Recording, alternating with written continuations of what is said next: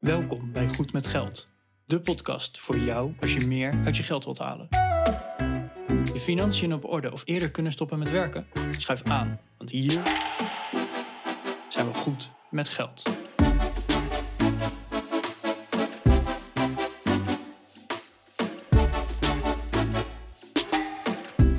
Aflevering 231 van de Goed met Geld podcast.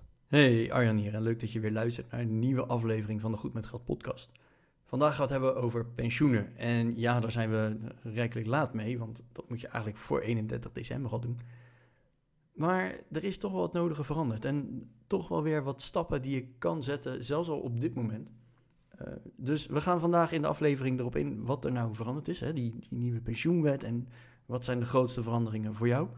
Maar ook hoe kijken wij ernaar? Hè? Uh, moest je zoveel mogelijk inleggen of laat je het gewoon maar even zo? Nou, genoeg om het over te hebben, dus uh, ga vooral ook luisteren. Wil je meer informatie of uh, even reageren op deze show? Dat kan natuurlijk onder de show notes goedmetgeldpodcast.nl slash 231. En wil je ons persoonlijk even een mailtje sturen? Dat kan altijd goedmetgeldpodcast.nl slash contact. Heel veel luisterplezier. Goedemorgen Arjan. Hey Bas. Hallo, hallo.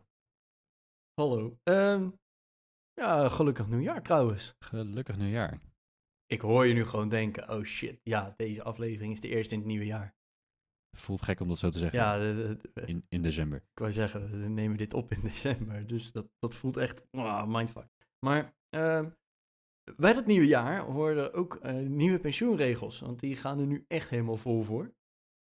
Uh, ondertussen zijn de wetten aangenomen en uh, gaat er ook daadwerkelijk wat veranderen. Dus eigenlijk wel voor ons een, een goede reden om hier een aflevering over op te nemen. En Bas, ik zat in de voorbereiding. Nou, je, je zat met mij, dus hè, we hebben het samen gedaan. Ik kwam er nog niet helemaal lekker uit, moet ik zeggen. Vertel, wat, uh, waar, waar stokte het? Nou, waar stokte het is gewoon het algehele pensioenstelsel waar ik nou, sowieso een soort van moeite mee heb. Hè? Het is echt een best wel complex stelsel met je moet eerst nou. uh, je salaris nemen, daar moet weer wat vanaf. Dan mag je daar een percentage van gebruiken. Maar dan, uh, en in het oude stelsel, dan kwam je leeftijd daar nog even bij. Dan moet je nog kijken, hé, hey, uh, je bent nu zo oud, tot wanneer moet je pensioen op gaan bouwen? hoe ga je het in... Nou, het, ja, en heb je dan een uh, defined benefits of een defined contributions uh, pensioen? Ja, en ga je werken met een staf voor ja of nee? Of wordt het gewoon in één keer hetzelfde bedrag elke maand tot aan je pensioen? Ja. Bij welke werkgever zit je? Uh, is het in je CAO geregeld of uh, niet? Hè? Zijn het gewoon afspraken met je werkgever of doet je werkgever helemaal niet aan pensioen? Die, uh, die hoopt gewoon tot dat je nou, bij hem of haar werkt tot het einde der tijden en pensioen. Dat doen we niet aan, hè Bas? ja, klopt. Wij doen inderdaad op de zaak niet aan pensioenen. Of tenminste, we, geven onze mensen extra salaris, zodat ze zelf pensioen kunnen opbouwen. maar we hebben geen, geen je geen... controleert niet of dat niet opgaat aan bier in de kroeg. We hebben geen centrale pensioenregeling. Nee, nou, hè, de, maar er zijn zo ontiegelijk veel scenario's. Uh, met, met daarin weer opties, mogelijkheden en beperkingen. Dat, uh, of het nou de oude of de nieuwe is, ik vind het nog steeds knijten lastig. Ja, snap ik. Ja. ja, dus ik heb even in voorbereiding voor deze aflevering gekeken naar hoe zit het uh, pensioenstelsel ook weer in elkaar. Nou, uiteindelijk is pensioen uh, niet een uh, magisch iets. Hè? Het is gewoon een inkomen voor later. Dus nu heb je inkomen uit werk. Dat geldt voor de meeste mensen. Ik denk zeker voor de mensen die hier luisteren.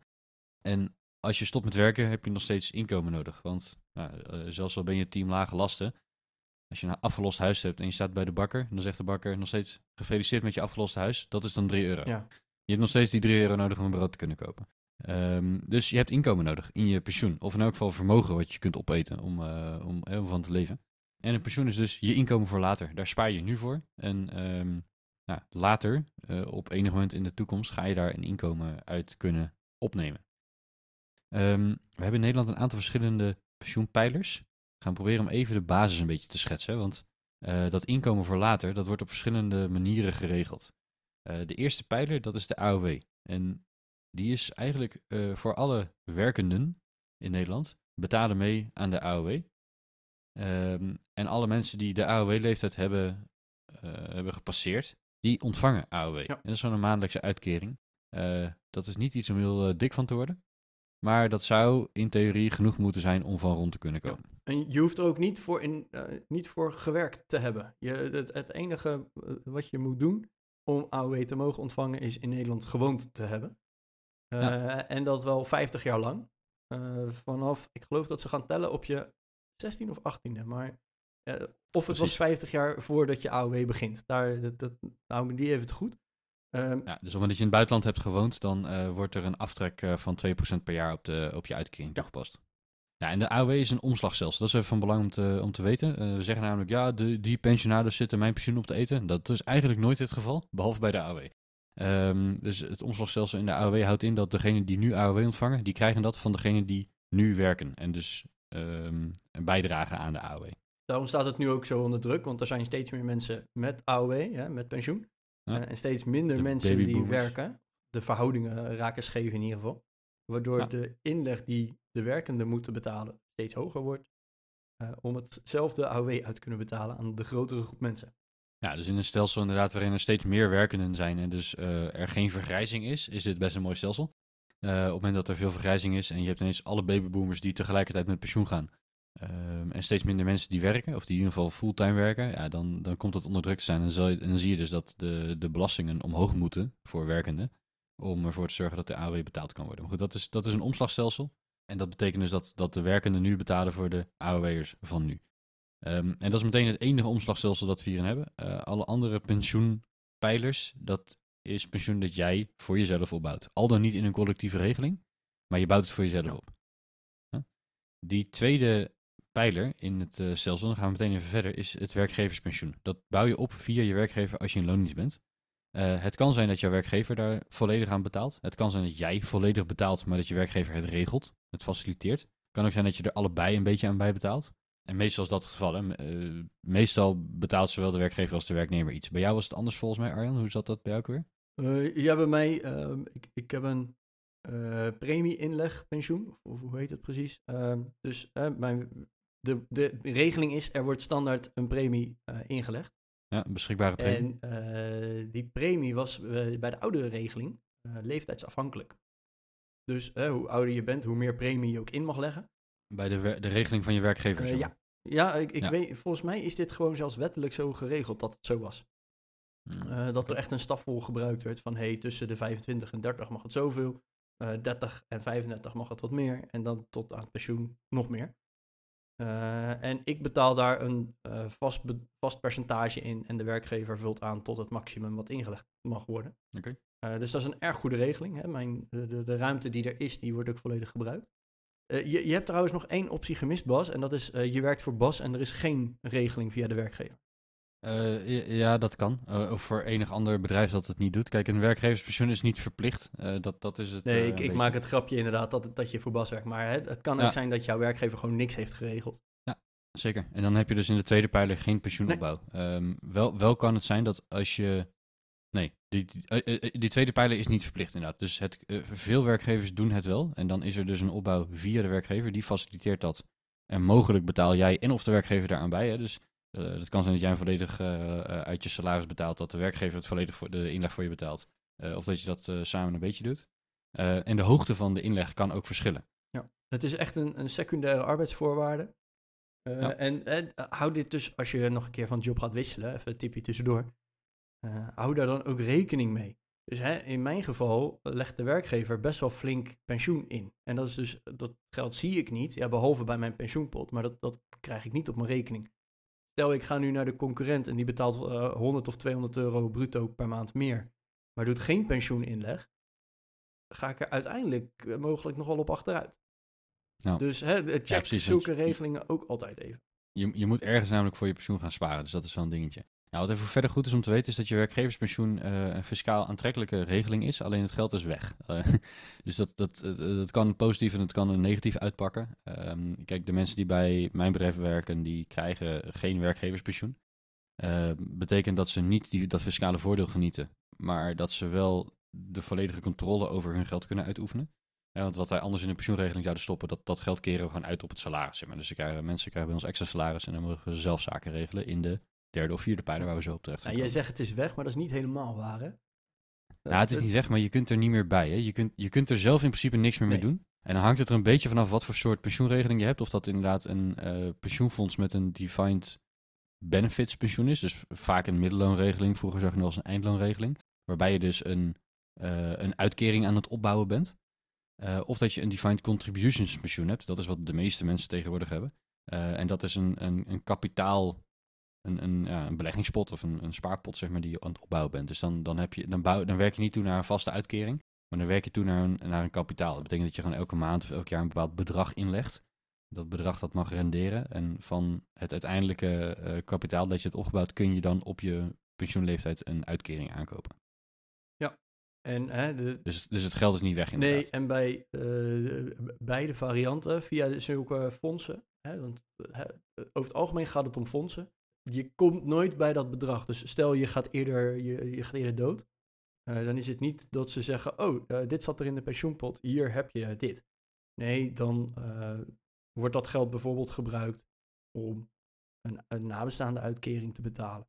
Hè, de, ja. de, die pensioenregelingen zijn er ook. Dus als je een partner hebt of kinderen onder de 18, of die nog studeren zelfs nog, tot 27 uit mijn hoofd gezegd, die krijgen dan een nabestaande uitkering um, uit die uh, opgebouwde pot uh, betaald. Ja. Dus uh, hè, dat, dat geld dat wordt niet één op één uitbetaald, maar je hebt wel bepaalde rechten daaruit ontleend. en als je dus voor je pensioen overlijdt, dan zitten er andere rechten op. Ja, precies. Ja. Nou, het fiscaal aantrekkelijke deel van dit werkgeverspensioen in de tweede pijler, dat zit hem erin dat je met bruto geld inlegt. Um, dus daar zijn wel regels aan verbonden. Je mag niet zomaar oneindig veel inleggen. Je kunt niet zeggen, nou doe maar maar geen salaris, maar doe maar alles in mijn pensioen. Dat kan niet. Er, is een pensioengevend salaris. Um, en, en, daarmee mag je een percentage, daarvan mag je een percentage inleggen. En dat pensioengevend salaris, dat is eigenlijk jouw bruto jaarsalaris, wat je dus in box 1 verdient. Of eigenlijk niet eens je box 1 salaris, maar je, je inkomen uit arbeid. Uh, daar trek je vanaf de AOW-franchise. En die uh, AOW-franchise is een bedrag dat het jaarlijkse AOW uh, is dat je krijgt. Als je de AOW-leeftijd hebt bereikt. Uh, dat is het eerste deel dus van je inkomen waarover je geen fiscaal vriendelijk pensioen kunt opbouwen. Want je krijgt immers voor dat deel al AOW later. Um, en ik meen dat dat iets van 13.000 of 14.000 euro is op dit moment. En waarschijnlijk vanaf 2024 zal dat een 16.500 euro ja. zijn, ongeveer. Um, stel dus je verdient, uh, we, we, rekenen even makkelijk met 14.000 euro als AOW van CISE. Je verdient 50.000 per jaar. Dat betekent dus dat je een pensioengevend salaris van 36.000 euro hebt. En die 36.000 euro, daarvan mag je een percentage gebruiken om fiscaal voordelig uh, in te kunnen leggen. Dus met bruto geld in je pensioen te kunnen inleggen. Uh, en dat, heeft, dat geeft je natuurlijk een, een voordeel op je inkomstenbelasting. Op het moment dat je 1000 euro bruto inlegt, dan kost je dat netto, nou ja, afhankelijk een beetje van de belastingtarieven, tussen de 400 en 500 euro. Ja. Zeg maar. En um, dat, dat is dus een voordeel. Het nadeel is natuurlijk dat je niet meer bij het geld kunt. Hè? Ik zei net, het geld is weg. Uh, Arjan gaf terecht aan, het geld is niet weg, weg, want het is er nog en het is nog van jou. Alleen je kunt er niet meer bij. Je kunt niet meer zeggen van nou, ik wil nu toch dat geld opnemen om een huis ermee af te lossen. Nee, dat geld dat staat echt in een geblokkeerde rekening. Je kunt er niet meer bij. Dus dat is afwegen eh, of je dat interessant vindt of niet. Het nadeel is als je in een collectief werkgeverspensioenregeling zit, dan kun je niet kiezen, dan doe je mee in die pensioenregeling. Oh, en uh, het is altijd fijn natuurlijk als de werkgever meebetaalt. Dus het is, het is zeker wel aantrekkelijk. Um, dat percentage waar je het net over had, of dat, dat, dat uh, pensioengevend salaris, dat nemen we ook meteen mee naar pijler 3. Uh, want uh, dat telt bij pijler 3 ook. Alleen dan spaar je er zelf voor. En dan, werkgever regelt in principe niks voor je. Je opent zelf ergens een pensioenrekening en daar zet je dan het geld op. Um, en dat pensioengevend salaris, daar mag je een percentage van uh, apart zetten. En dat was in de oude regeling een 13, nog iets procent. Ja, 13,3. 13,3, dankjewel Bas. En stel, jouw werkgever legt uh, 10% daarvan in. Hè, dus van die 36.000 uh, legt hij 2600 euro per jaar in. Dan mag jij zelf de laatste 3% nog inleggen. Als ja. jouw werkgever de volle map doet, 13,3%, mag je zelf helemaal niks meer inleggen. Uh, en dat is niet alleen als je werkgever dat betaalt, overigens in de tweede pijler. Dat is ook als jij zelf meebetaalt. Ja. Dus de totale inleg in de tweede pijler, die telt daarvoor ja. mee. Uh, en als je daar dus niet het volledig fiscaal uh, toegestane bedrag, hè, dus dat is het percentage keer je pensioengevend salaris.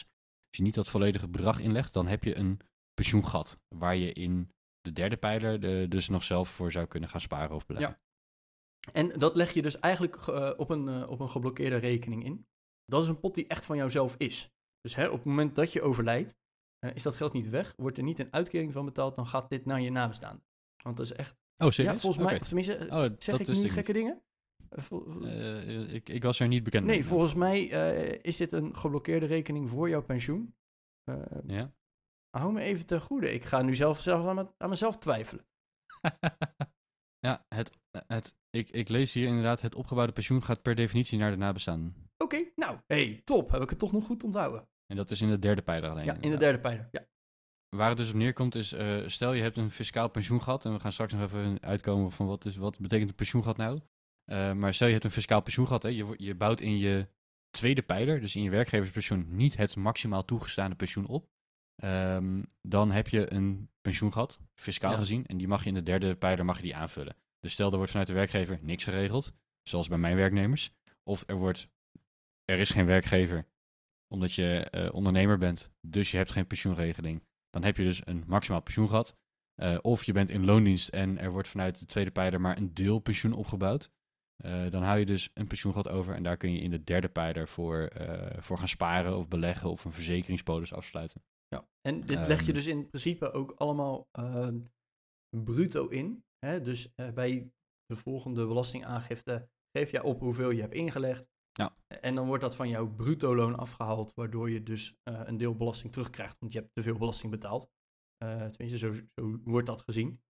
Ehm, maar Ja, je legt het... En het gaat altijd, je loopt altijd een jaar achter hiermee. Ja. Want je weet, je weet pas hoeveel pensioengat je hebt als je... Aan het einde van het ehm, jaar. eh, ja, en, en vaak zelfs wat later. Eh, een beetje afhankelijk. Als je een werkgeverspensioen hebt, dan moet je vaak wachten op, eh, eh, op je pensioenoverzicht.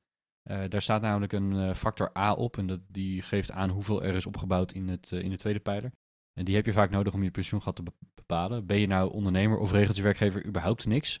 Dan kun je hem zelf berekenen, want dan weet je gewoon wat is mijn inkomen uit, uit loondienst geweest. Of uit arbeid geweest, moet ik zeggen. Ja. Keer het percentage, dat is wat je maximaal zou mogen Maar heel eerlijk Bas, ik wacht meestal tot augustus tot dat uniform pensioenoverzicht, de UPO, zo heet die, Ja. er is. Dat, die komt ergens augustus, september. En je hebt toch nog tot het einde van het jaar om in te leggen. Dus eh, dat maakt allemaal niet uit. Precies. Sterker nog, je hebt nog een aantal jaren dat je tot terug mag inleggen. Weliswaar gemaximeerd en er zijn wat regels omheen. Maar goed, ehm, ik ben lui en ga niet zelf die factor A berekenen. nee, dat zou ik ook zeker niet Nee, doen. en dat eh. hoeft ook niet, nee. in principe. Ehm, nog even wat voordelen van eh, die, die derde pijler. Of, ja, ja, je hebt nadelen, maar er zijn ook zeker voordelen. Hè? Ten eerste, het is bruto inleg. Ten tweede, het geld wat daar staat, net zoals pijler 2, eh, daar staat bij allebei een pot met geld. Die telt niet voor je eh, vermogen mee. Dus je hebt op een gegeven moment vermogensrendementsheffing. Dus als jij meer geld hebt dan bedrag X, nou in je eentje is dat geloof eh, 57.000 euro ondertussen. Ja. Met z'n tweeën is dat keer twee. Maar deze twee pijlers, het geld wat daarin staat, telt daar niet voor mee. Dus eh, dat is alleen maar fijn. Hè? Stel dat je eh, twee ton in je, in je pijler 2 en 3 samen hebt, dan eh, hoef je daar geen belasting verder wat dat betreft over te betalen. Dat is echt heel fijn. En dat kan je dus gewoon tot aan je pensioen laten staan. Dat moet je zelfs tot je pensioen laten staan. Dat is meteen het nadeel. Je kan het pas gaan gebruiken op het moment dat je de pensioengerechtigde leeftijd bereikt hebt. Weer er eerder bij, betaal je er een boete over. En die boete is meer Ja. dan het belastingvoordeel wat je eerder hebt genoten. Ja, Dat is wel even een dingetje. Ja, je kunt, je kunt hem dus niet echt als eh, spaarpot Nee. gebruiken. Nee, dat is, eh, dat is een nadeel. En eh, het geld is- dus ja, feitelijk geblokkeerd. Je kunt erbij, maar dat kost ontzettend veel. als je erbij zou willen. Dus dat is meestal niet interessant. Dus dus het, het geld is geblokkeerd. En het voordeel is, als je wat box 1 inkomen hebt, dan kun je daarmee compenseren. Dus je zegt, ja, ik, ik kan net even in dit lagere tarief uitkomen. Ja, dan, dan kan dat dus best wel interessant zijn om op deze manier nog wat aanvullend pensioen op te bouwen. Als je die jaarruimte hebt. Als er überhaupt nog niks voor je geregeld is, omdat je ZZP'er bent bijvoorbeeld, is het vaak ook interessant, tenminste dat vind ik, eh, dat je toch iets opbouwt voor later. Hè? Dat mocht al het andere mislukken, in eh, zometeen eh, de vierde pijler, dan, dan heb je in elk geval daar nog wat staan. Dat is waarom ik in de derde pijler bijvoorbeeld pensioen inleg. Zodat in elk geval dat geregeld is vanaf een AOW-leeftijd, hoef ik daar niet meer over na te denken straks. Maar ja, het nadeel is wel, je doet mee aan een spelletje waarvan de spelregels eenzijdig veranderd kunnen worden. Maar waarbij jij verplicht bent om tot aan je AOW-leeftijd mee te doen aan het spel. En dat is natuurlijk wel een nadeel. Ik, ik, vind, dat, ik vind dat de overheid een onbetrouwbare zakenpartner is. Ehm, de Nederlandse overheid is een van de meest betrouwbare overheden die er zijn. Maar ja, eh, de spelregels kunnen zomaar veranderen. En die kunnen veranderen omdat de politieke wind net even de andere kant Ja. op waait. Eh, en dat heeft consequenties op, nou, op jouw fiscale positie. Je geld zit opgesloten in, dit, in deze structuur. Je kunt er niet meer bij. Maar je moet meedoen aan het spel. Terwijl de spelregels kunnen veranderen. En daar heb je geen invloed op. Behalve dat je kunt stemmen. Maar goed, nou, je snapt wat ik bedoel, denk ik. Ehm, dat, dat zie ik als een nadeel. En dat betekent dus ook meteen dat ik niet mijn volledige opbouw voor later in die derde pijler wil doen. Ik wil, hè, dat, dat is even als ik het naar mezelf persoonlijk trek, een deel van mijn pensioen regelen in de derde pijler. Zodat als al het andere mislukt, er in elk geval iets is waar ik van kan gaan leven. Eh, maar al het andere wil ik in de vierde pijler doen. En de vierde pijler is je eigen vermogensopbouw. Dus je kunt gewoon privé een spaarrekening aanleggen, beleggen, vastgoed aankopen, eh, kapitaal in je bedrijf opbouwen. Ik ben een ondernemer, ik heb een paar BV's. Eh, in mijn holding BV eh, heb ik ook een beleggingsrekening en een spaarrekening. Daar kan je kapitaal opbouwen. Dat zijn allemaal geen pensioenregelingen, dus je hebt daar waarschijnlijk geen fiscaal voordeel bij. Sterker nog, dat vermogen dat zit in box 3. Je kunt het opbouwen met netto inkomen, dus daar heb je dan inkomstenbelasting over betaald. Dus het is ja, belastingtechnisch gezien niet aan geoptimaliseerd. Het voordeel is wel dat het echt vrij vermogen is. Het is van jou. Je mag ermee doen wat je wil. Het is jouw spaarrekening. En als je er geld van af wil halen, dan haal je er geld van af. Als je er geld op wil storten, dan stort je er geld op. En er is niemand die jou vertelt dat dat wel of niet mag. En eh, dat is dus de vierde pensioenpijler. Dat is eigenlijk, er is niks geregeld voor je pensioen, maar je gaat gewoon lekker zelf vermogen opbouwen. En ja, het fijne daarvan is dat als je zegt van ik wil een keer met een deelpensioen of ik wil met eh, een sabbatical en ik heb daar geld voor nodig. Je pensioengeld kun je daar gewoon niet voor gebruiken. Je eigen vermogensopbouw, die spaarrekening die je in box 3 hebt, die kun je daar wel voor gebruiken. En dat is een, ehm, ja, dat is dus een fijn middel, denk ik, om, eh, om vermogen op te bouwen Ja, voor later. Het vergt wel heel veel meer discipline. En daar hebben we het natuurlijk eh, Ja. vorige keer met Nick ook al over gehad, dat je zelf discipline moet hebben om hè, bepaalde dingen te bereiken. Die discipline is hier gewoon echt killing. Want eh, hè, je bent hard aan het sparen, er staat een heel mooi bedrag. Ja, en dan heb je toch dat ene ding wat je heel graag wilde hebben. En de week daarna dat andere ding. En nou, hè, al- die eh, commerciële partijen proberen je toch wel geld afhandig te maken. Dit vergt gewoon heel veel discipline. En dat is lastig. En dat, dat is meteen ook een van de nadelen. Eh, hè, het voordeel is vrijheid. Je kan echt doen en laten met dat geld wat je wil. Je hebt er tenslotte al belasting over betaald.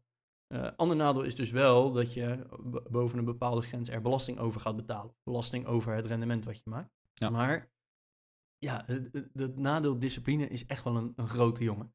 Dus eh, hou daar rekening mee als je pijler 4 aan gaat houden. Maar hè, ik ben het met je eens, Bas. Eh, het is zeker een, eh, een extra iets. Hè, stel je wil een paar jaar eerder, dan kan het met de, met de pijler 2 en 3 niet zomaar. Terwijl met pijler 4, dan kun je gewoon ontslag nemen. En zeggen, ik betaal vanaf nu alles zelf. Dan zie je dus dat je uiteindelijk ergens in een soort mix terecht gaat komen. Tenminste, voor mij geldt dat wel.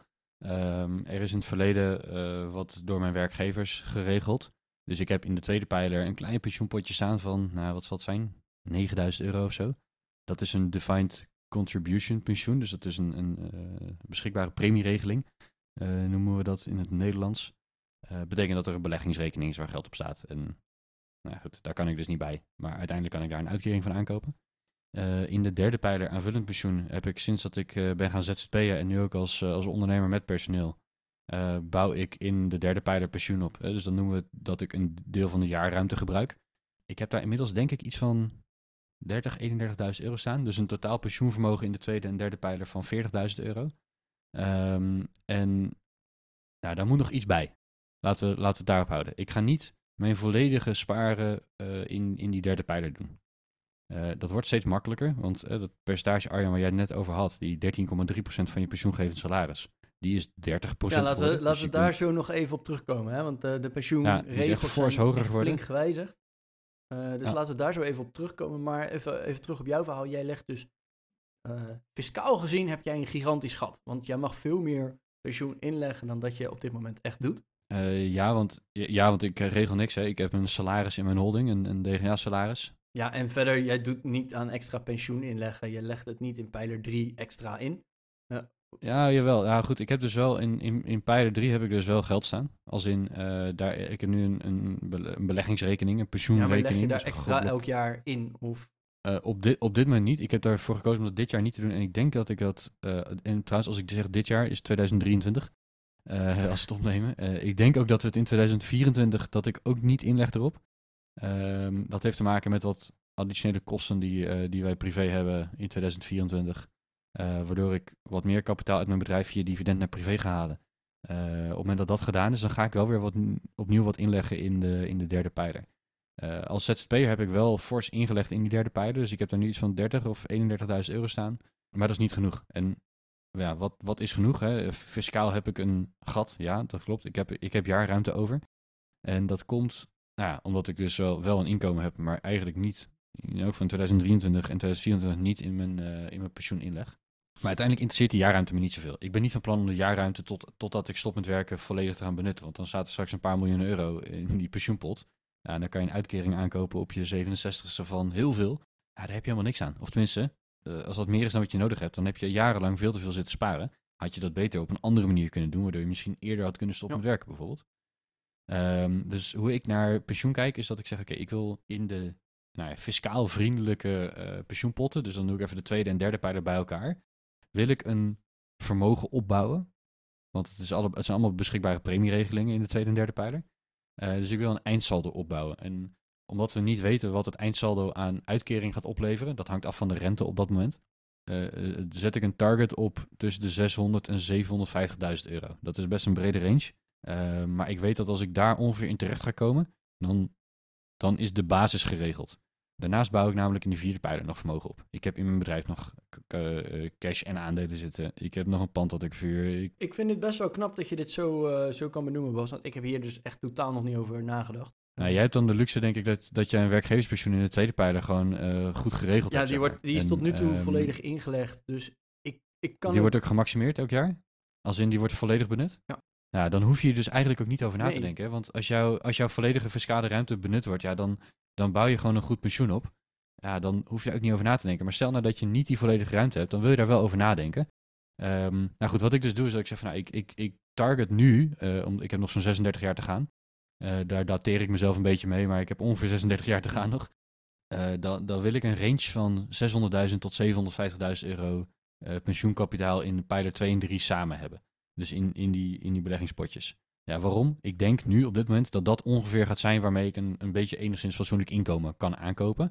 Um, als we dichter bij die AOW-leeftijd gaan komen, kan het zijn dat dat doelbedrag gaat veranderen. En dat hangt af van de rente waarmee je wordt Maar hou je dan ook nog rekening met pijler 4, bij die uh, 6 tot 7,5 ton? Uh, ja, ja, ja, zeker. Die 6 tot 7,5 ton is volledig pijler 2 ja, en 3. Dan... Dus, dus in pijler 4 gaat daar dus nog geld bij komen. Als in, ik ga ervan uit dat ik in pijler 4 ook vermogen opbouw. Oké. Okay.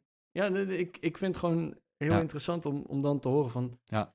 waar is dat op gebaseerd? Wat, wat zal dan je, uh, je, je maandsalaris zijn? Of maand, ja, geen idee. Wat, geen, dat, nou, dat is dus heel moeilijk om te zeggen. Maar ik weet dat als ik uh, zeg maar twee ton in uh, box 2 en 3 heb zitten en verder helemaal niks regel, dan is het te weinig. Dan ga je, ga je niet voor rond kunnen komen. Uh, als ik anderhalf miljoen heb in, in pijler 2 en 3, dan ga je zo'n hoge uitkering krijgen. Waarschijnlijk, afhankelijk van de rente wederom. Um, dat, dat je eigenlijk te veel hebt in zitten leggen. En daardoor jezelf uh, jarenlang te veel, uh, ja, te veel hebt zitten knijpen. Uh, dus dus ik, ik heb voor nu een, range, een target range van 6 tot 7,5 ton in mijn, voor ogen. Ja, dat, dat kan meer of minder worden. En de reden daarvoor is, stel dat, stel dat Pijler 4 compleet mislukt en ik ga failliet en alles is weg, heb ik in elk geval dat geregeld. Ja, nee, eens. Maar ik ben dan vooral benieuwd met, vergeleken met jouw huidige salaris, welk pensioen ja. per maand ga je daarmee krijgen met die 6 tot 7,5 ton? Want ja, dat is, is dus niet te zeggen, want dat hangt eraf van, ja, van de rente die op dat moment geldig is. Nee, uh, maar dat... De, ja, dus dat is dus niet te zeggen. Nee, maar dat is dus lastig. Is het ongeveer gelijk? Is het heel veel lager? Is het... Uh... Nee, het is minder. Het ja, nou heb je ook minder nodig. Um, hè? Maar ik, ik vind het dus heel lastig om daar een, een target op te zetten. Uh, voor mij is het sowieso, hè, er wordt maximaal ingelegd, dus... Het wordt gewoon, het wordt gewoon het geregeld. Wordt geregeld ja, en daarmee zou het goed moeten komen. Ja. Maar, en laten we nu dan even naar de. Nou, ik wil even nog één dingetje afronden uh, okay, op basis ja, van uh, het zelf opbouwen in de derde pijler. Um, want hoe gaan we dan op die 6 tot 7,5 ton uitkomen? Terwijl ik soms wel en soms niet inleg. Hè. Ik heb net gezegd 2023 en 2024 leg ik even niet in, want ik wil in de vierde pijler wat meer kunnen inleggen. W wat ik doe is dat ik jaarlijks een rekensommetje maak met een compound interest. Dus ik heb een pensioenpot nu van zo'n 40.000 euro. Uh, ik heb plus minus 36 jaar te gaan. Op hoeveel ga ik uitkomen? Nou, dan reken ik met een rendement van 6% na inflatie. Ik beleg in een uh, wereldwijd indexfonds in aandelen, 100% in aandelen. Uh, ik heb nog 36 jaar te gaan, dus geen, enkele, geen enkel behoefte aan obligaties of, of, of, spaargeld, zeg maar. Ehm, rekenen met een rendement na inflatie is heel belangrijk op dit soort, eh, dit soort termijnen. Ehm, en dan, nou, stel dat ik zeg, ik leg niks meer in. Ik heb 40.000 euro, ik heb 36 jaar te gaan met 6% rendement. Dan kom ik op een eindsaldo van 326.000 euro uit. En dat is dus te weinig als je target 600.000 is. Dat betekent dus dat ik in de komende jaren nog wat moet gaan inleggen. Of dat ik veel meer rendement moet gaan maken. Maar dat, nou, daar, kun je niet, daar kun je niet mee rekenen. Um, betekent dus dat ik ergens nog een keer wat moet gaan inleggen. Nou, als ik elk jaar dat rekensommetje maak, op een gegeven moment zul je zien dat ik door in te gaan leggen uh, steeds wat hoger uitkom in mijn verwachte eindsaldo. Uh, als dat verwachte eindsaldo boven de 7,5 ton uitkomt, dan weet ik van nou, nu moet ik gewoon stoppen met inleggen, want het zal waarschijnlijk wel goed zitten. Ja. Heb je dan een paar hele slechte beursjaren en komt je rekensommetje weer op een gegeven moment onder dat target uit, of ergens in die range, dan kun je dus gaan nadenken van nee, moet ik wat meer of wat minder gaan inleggen of helemaal niet, of is het, is het wel of niet nodig, zeg maar. Dus door dat elk jaar even die, die check in te doen, zeg maar, zorg ik ervoor dat ik in elk geval, als al het andere mislukt, mijn bedrijf gaat failliet, ik raak al mijn box 3 vermogen kwijt, ik moet mijn pand verkopen, uh, weet ik veel allemaal. Als al het andere mislukt, heb ik in elk geval vanaf mijn oude AOW-leeftijd enigszins een inkomen. Ik heb dan mijn AOW, als die nog bestaat over 36 jaar, dat is de vraag. En dan heb ik uh, nog een, een paar ton aan pensioenvermogen waarmee ik een uitkering kan aankopen. Zodat ik iets heb geregeld. Even, even, we hebben dit natuurlijk voorbesproken, of tenminste, niet helemaal dit, maar je hebt nu gerekend dus met 6% en dan 36 jaar. Ik heb uh, nu even een calculatortje voor mezelf ingevuld. Uh, en bij mij wordt er jaarlijks ingelegd. Of eigenlijk maandelijks door mijn werkgever. Dus ik heb even berekend met het uh, bedrag wat er in mijn pot zit. Dat is 30.000. Ja. En wat mijn werkgever maandelijks te ingooit, dat heb ik. oh, wacht, dan moet ik. Ja, per, ja uh, het, het, bedrag wat er dus maandelijks ingelegd wordt, heb ik per jaar even ingelegd. Uh, dus de som ervan. En ik heb een uh, periode van 35 jaar aangehouden. Ik ben nu 33. Dan ben ik 68, dus dat klopt ongeveer. Met een jaarlijks percentage van 6%. Dan kom ik op een totaalbedrag van 630.000 euro. Dus ik vind de range ja. van. en dan zit ik dus om en nabij mijn salaris. Uh, of tenminste, ja, ja, volgens mijn pensioenoverzicht. En nou, als dit ingelegd ja. wordt, dan zal dat ongeveer mijn, mijn salaris gaan worden. Dus uh, ik vind de 6 ton tot 7,5 ton uh, pensioenpot eigenlijk wel een, een goede. Een mooie range. Ja, dat, dat, dat, dat is ook precies hoe ik op die range ben uitgekomen. En ja, wat je wel moet weten is, ja, hoe meer je nodig hebt, hoe hoger dat bedrag moet zijn, uiteraard. Um, maar ja, ook hoe, hoeveel inkomen krijg je als je, hoe het werkt is, je hebt zometeen 6 ton of meer of minder, whatever, maar even, je hebt zometeen 6 ton in die pensioenpot zitten je zegt tegen zo'n pensioenuitvoerder of tegen een verzekeraar van... Hier heb je 600.000 euro, doe mij maar totdat ik dood ga uh, elke maand een inkomen. Ja, dan ga je dus shoppen. Dan ga je dus bij een aantal van die uitvoerders ga je vragen van... Hé, ik heb 6 ton, hoeveel, hoeveel krijg ik daarvoor? Ja, bij mij krijg je 2000 in de maand. Bij mij krijg je 2500 in de maand. Oké, kies ik voor die van 2500 in de maand. Dat is ongeveer het spelletje wat je gaat spelen. Maar hoe hoog dat bedrag is wat je gaat krijgen... hangt dus natuurlijk af van de kapitaalmarkt op dat moment. Als de rente heel hoog is, krijg je een hogere uitkering. Waarom? Dat geld rendeert dan beter. Hè? Dat geld wordt vaak in, uh, in obligaties en in uh, spaartegoeden belegd. Uh, en niet, meestal niet in aandelen. dus dat betekent dat als de rente hoog is, dat je hogere uitkering krijgt voor hetzelfde kapitaal. Nou, daar, daar moet je dus rekening mee houden. En dat kan heel erg mee en heel en erg tegenvallen. Wat voor pakket je koopt, hè? Want jij zegt, doe tot aan ik dood ga, dit een, een maandbedrag. Je hebt ook gewoon regelingen dat je zegt, hey, doe mij de komende tien jaar, want ik denk dat ik over tien jaar er niet meer ben. Doe mij een uitkering ja. van tien jaar, hoeveel krijg ik dan per maand? Uh, ja, of uh, hoog-laag constructies die ook nog wel eens. Hè. De eerste paar jaar wat ja, meer en daarna dus, tot aan je dood uh, minder. Goed, en, en dat is dus het lastige. Ja. Wij moeten nog dik 30 jaar. Ik heb echt mijn god nog geen idee hoe dat er dan uit gaat zien. En dus dat is een, een tactiek die wij denk ik nu over de algemene deler uitvoeren. Wij zorgen dat er in ieder geval genoeg geld is. En we gaan over vijf jaar een keer bijsturen. We gaan over tien jaar een keer bijsturen. Uh, en hebben wel ergens een, een, punt op de horizon gezet van hey, dit zou ongeveer met de kennis van nu het goede moeten zijn. Maar we hebben ook nog 30 jaar om daar te komen. Uh, dus we hoeven niet in één keer het beste te doen. Maar we gaan wel af en toe even kijken, klopt die punt nog? Of moeten we bij gaan sturen? Ja, ga je de ja. goede richting op? Dat is belangrijk. Oké. Okay. Um, maar laten we ook even gaan kijken dan naar die nieuwe pensioenregels. Want er zijn echt wel een aantal veranderingen gekomen.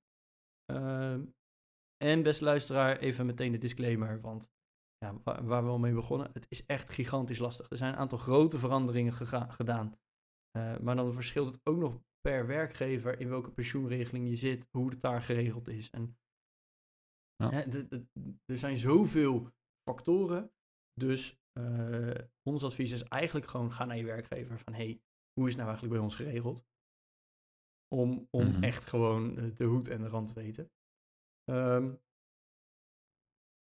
in ieder geval even wat, wat belangrijke punten uit die nieuwe regels. Ehm, pensioenfondsen gaan geen, geven minder garanties. Eh, wat er in, in de oude regeling is, is dat hè, dat pensioenfonds vertelt jou van hé, hey, je krijgt per maand dit bedrag. Dat is Ja. best wel een, een, een garantie. Kan je bouwen, hoef je niet zoveel te sparen, want je weet elke maand komt er dit binnen. Dat wordt naar beneden geschroefd. Je krijgt minder garanties. Ehm, en dat doen ze al, hè, want ze, ze beginnen nu al tien jaar van tevoren. Hey, we verwachten dat je dit bedrag gaat krijgen. Nee, dat kan veranderen. Maar daardoor hoeft een pensioenfonds minder buffer aan te houden. En een buffer is simpelweg geld op een spaarrekening. Nou, ik weet niet of. eh, ik, ik hoop in ieder geval dat onze luisteraars ondertussen weten dat geld op een spaarrekening simpelweg door inflatie alleen al minder waard wordt. De rente is gigantisch Ja. laag. Ehm, dus dat kost alleen maar geld. Buffer kost geld. Punt. Dus eh, als een pensioenfonds minder buffer aan hoeft te houden, hebben ze dus ook minder kosten. Risico is alleen dat als aandelen omlaag gaan of eh, de, de, markt, de financiële markten doen het slecht, dat zo'n pensioenfonds ja, misschien wel dat maandbedrag moet verlagen. Dat je opeens minder krijgt. Nou ja, Dat is een risico, maar daardoor worden die kosten ook lager. Dus eh, uiteindelijk zal het ergens uitmiddelen, maar het kan dus zijn dat jouw ja, pensioen gewoon op een gegeven moment wat omlaag gaat. Ja, dat is dan eenmaal zo. Maar dit is dus een van de, de regels die veranderd zijn.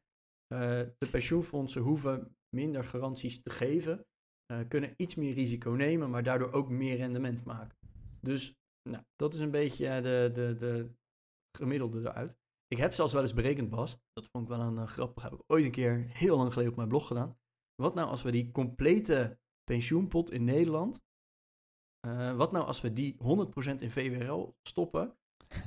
en daar de 3,5% regel op, toepassen? ja dat, dat gaat niet helemaal kunnen goed, alle pensioenen echt gigantisch veel omhoog. Ja, dat klopt. Want er worden zoveel zekerheden in ons pensioenstelsel ingebouwd. Precies. Die kosten Ja, zo ontiegelijk veel geld. Ehm, Ja. Maar in principe zou met alleen de inleg van alle pensioenen... konden alle premies ongeveer al betaald worden. En die pensioenpot werd alleen maar groter, groter, groter, groter. Ja, ja wat, je, wat je wel ziet is de 3,5% regel waar je nu aan refereert. Dat is de, ja, een variant van een safe withdrawal rate. Er is natuurlijk ooit eens een keer Ja. een onderzoek geweest, eh, 30 jaar terug en een paar jaar geleden herzien.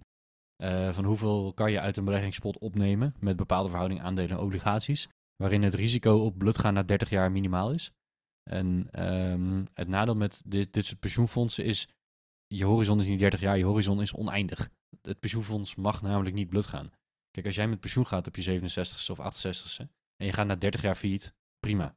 Ehm, met een gemiddelde levensverwachting is dat niet zo'n probleem.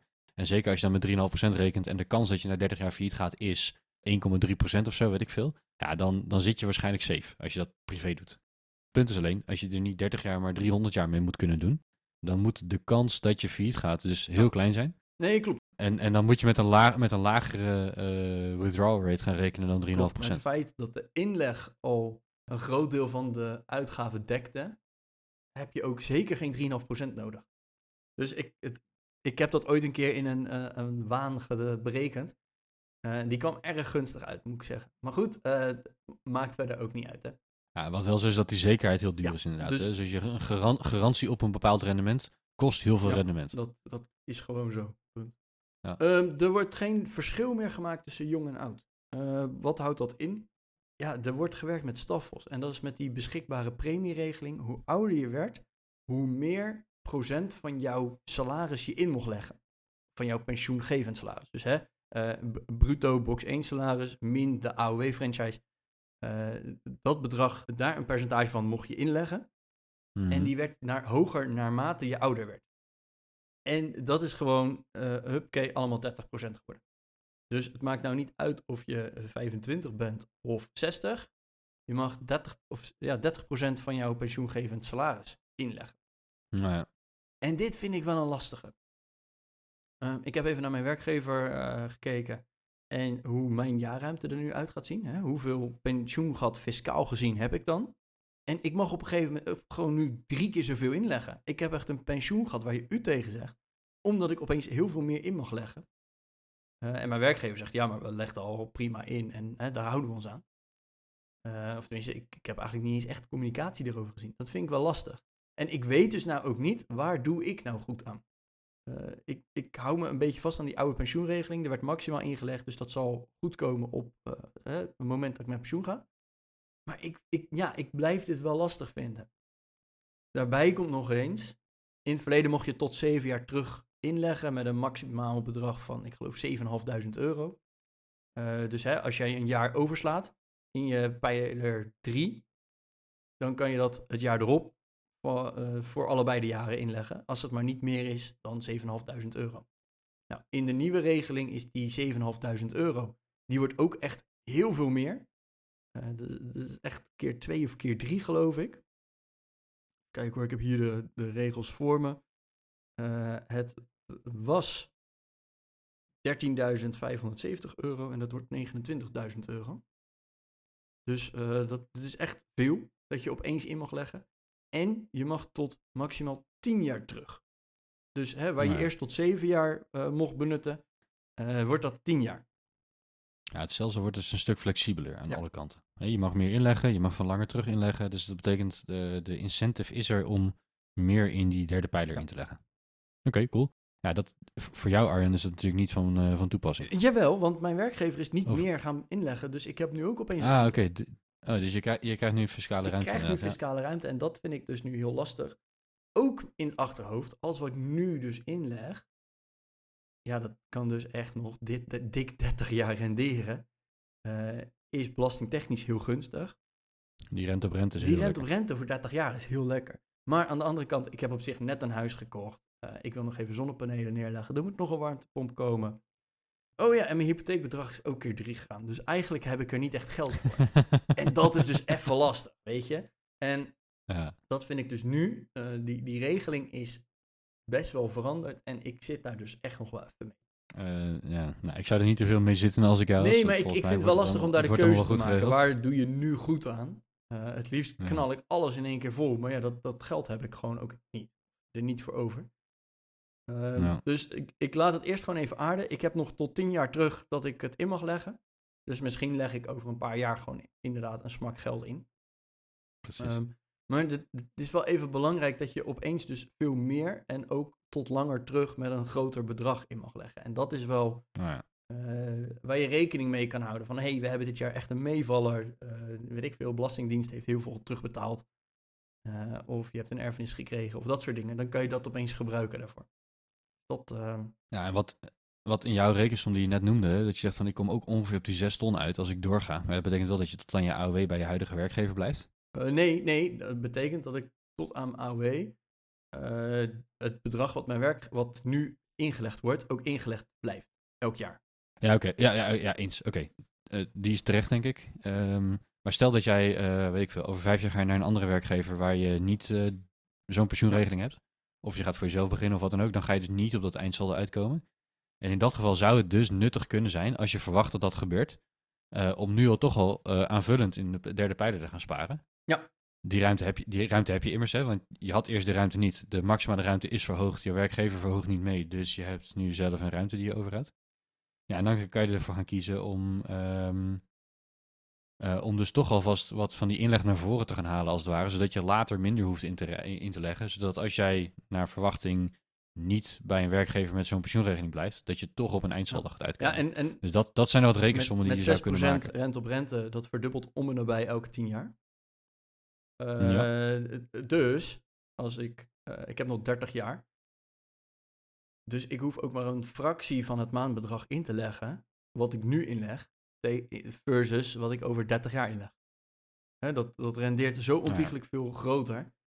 Uh, dus ja, ik, ik vind het nog even lastig omdat ik kansen zie. En misschien wel wil benutten. Maar het lukt nog niet helemaal om ze te kunnen benutten of zo. Dat, dat is ja. gewoon maar ja, op zich de pensioenregeling is redelijk nieuw. Uh, dus laat anderen er ook maar even hun plasje over doen. En laten we eerst maar eens even kijken hoe het nou echt uit gaat pakken. Uh, maar laten we even doorgaan. Er zijn nog wat andere maatregelen namelijk. Even, even een kort lijstje. Uh, nabestaande pensioen. bij overlijden voor de pensioendatum, de berekening daarvan wordt vereenvoudigd. Ik denk dat alle pensioenuitvoerders daar blij mee zijn. Minder moeilijke sommen. Dan, uh, er komt een mogelijkheid om 10% van je pensioen ineens op te nemen bij pensionering. Dus als je zegt, hé, hey, ik ga okay. met pensioen, ik wil nu een nieuwe keuken, of ik wil nu een camper, uh, dan kan je ineens 10% opnemen zonder daar een boete over te moeten betalen. Oh, wow. En ik, ik, maar, wel, maar wel inkomstenbelasting ja, ik verwacht wel inkomsten. Dat staat niet in het lijstje wat ik online heb gevonden, want, helaas. Want de inleg is aftrekbaar, dus ik neem aan dat als je dan opneemt, dat je dan wel weer daarover Ja, betaalt. weet ik dus niet. Dat zou, dat zou gek zijn. Ja, anders. maar ze wilden het wel ergens fiscaal aantrekkelijk maken dat je het ook 10% op kan nemen. Hè, je. Als je net met pensioen gaat, dan ben je nog net uit het werkende leven heel actief en weet ik het allemaal. Eh, geniet dan ook een beetje van dat pensioen. Dat zou nog, want anders kan dat gewoon niet. Hè? Dan is het gewoon een maandbedrag en dan ga je maar weer sparen. Eh, Mhm. Dus ik, misschien dat het wel gewoon eh, echt een, een netto uitkering is. Durf ik niet te zeggen. Google dit vooral, best luisteraar. Ehm, en de AOW-leeftijd gaat wat gedempt worden. Dus als je gemiddeld een jaar langer leeft, dan gaat de AOW-leeftijd maar acht maanden omhoog. Eh, Mhm. Dus dat wordt naar de hele bevolking gekeken natuurlijk. En dit was een één op één koppeling. Dus de AOW-leeftijd gaat minder hard stijgen dan eh, de gemiddelde levensverwachting van de Nederlander. Ook niet onaangenaam. Ehm, nou, we hebben het heel erg over jouw eh, pensioenvisie gehad. Ik heb vooral, ik zit heel erg op die pijler 4. Ehm, mijn pijler 2 die wordt helemaal volgestort. Ik ga voorlopig nog even geen pijler 3 doen. Want hè, wat ik net vertelde, ik weet het gewoon even niet. Ik heb mijn geld even op andere plekken nodig. Laat eerst mijn eigen Ja. financiële situatie maar weer tot rust komen. Ik kan tot 10 jaar terug. En alles wat ik overhoud, dat zit toch in pijler 4, hè, in mijn eigen spaargeld. Precies, het kan altijd nog. Maar op het moment dat ik nu zonnepanelen wil kopen, dan kan ik daar ook mijn pijler 4 voor gebruiken. Hè, dan gebruik ik het niet voor mijn pensioen, maar dan gebruik ik het voor een beetje groenere wereld. Eh, en een eh, lagere energierekening. Zo simpel is het ook. Dus ja, ik denk dat ik het voorlopig even laat zoals het is. Ehm, mijn vriendin daarentegen, die, eh, haar, haar pensioen die wordt niet volledig ingelegd door de werkgever. Dus daar, daar zijn we ook dus even gaan kijken van hey, hoe gaan we dat doen. We hebben voor eh, 2023, dus eh, pensioenjaar 2022 is dat dan technisch, eh, hebben gezegd hey, we gebruiken het bedrag wat anders volgens de oude pensioenregeling zou mogen. Hm. Eh, dus dat is lager dan wat daadwerkelijk mag. Eh, ook weer in het achterhoofd, we hebben net een huis gekocht, hè, kosten genoeg. Nou ja, Eh, we kunnen tot aan tien jaar terug het alsnog inleggen. En hoe we dat daarna gaan doen, weet ik eigenlijk nog niet. Ehm, zien we dan ook wel weer. En ja en, dat is ook daarom, prima, toch? en Als je, als, je maar, als je maar tussentijds af en toe even blijft monitoren, hoe gaat het nu? Ja, en ja. bijsturen als het nodig is. eigenlijk is deze aflevering echt het slechtst gepland ooit. Eh, dat zal ik ook meteen nog even uitleggen. We, deze aflevering komt namelijk begin januari uit. Eh, je mag inleggen tot 31 december. Dus je hebt nu nog tijd genoeg, maar je bent net te laat voor vorig jaar. Maar dit is natuurlijk. eh, pensioen driedaags is ook in november en zo. Dus tijdtechnisch zijn we echt heel slecht hier, Bas. Maar dit is natuurlijk wel het moment om gewoon eens even bij je werkgever te gaan vragen: hey, hoe zit het nou met onze pensioenregeling? Hè, die wet is net gewijzigd, dat hoor ik nu ook bij de podcast. Hoe gaan we ermee om? Want op het moment dat de werkgever dan met een antwoord komt, ergens, nou, ik weet niet hoe snel je werkgever is, maar laat het februari zijn. En je komt erachter dat je heel veel ruimte over gaat hebben, omdat je werkgever helemaal niks inlegt. Hè, of dat ze zeggen van, nou ja, je mag wel extra inleggen, we, we gaan er nog even. Dan heeft je werkgever één nog tijd om eh, er gewoon wat aan te doen. En daarover na te denken of het aan te passen of gewoon te zeggen, hey, eh, succes ermee. En je hebt zelf ook gewoon nog even een jaar om te sparen voordat je eh, in december het weer in gaat leggen. Nou ja, Want dat is een beetje, natuurlijk, je kan maandelijks inleggen. Je kan ook aan het eind van het jaar in één keer een smak geld doen. Ehm, voor vorig jaar ben je te laat, maar voor dit jaar ben je dus heel erg ruim op tijd. En denk er nou alsjeblieft gewoon eens over na. Zoek het even uit, want dan weet je in ieder geval hoe je ervoor staat. Eh, Bas die weet gewoon, pijler 2 en 3 heb ik ongeveer dat bedrag voor ogen. Dat ga ik nu niet halen, dus ik ga wat extra inleggen.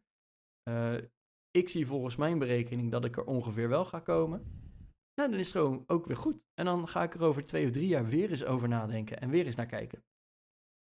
Maar door dat nu te doen, eh, zit je straks niet in alle decemberstress eh, rondom kerst, Sinterklaas en pakjes en moeilijke gerechten voor het kerstdiner. Die ik trouwens eh, vlak voordat we dit opnemen ook nog even moet gaan maken. Dan, dan, hier, nu heb je de brainspace, dus gebruik die nu ook. En dat is eigenlijk, ja, aan de ene kant is die heel slecht getimed, maar aan de andere kant is dit misschien wel het perfecte moment. Omdat je gewoon de ruimte ervoor hebt. Ja, heb je daar nou nog iets op aan te merken uh, of aan te vullen of wat dan ook? Uh, dan horen wij dat heel graag. Hè? Dus je kunt een reactie achterlaten uh, in de show notes. Dan ziet wel iedereen het, hè? dus dat is publiek. maar dan zou je best wel eens kunnen vertellen van hoe doe jij het nou? Hoe kijk je nou naar je pensioen?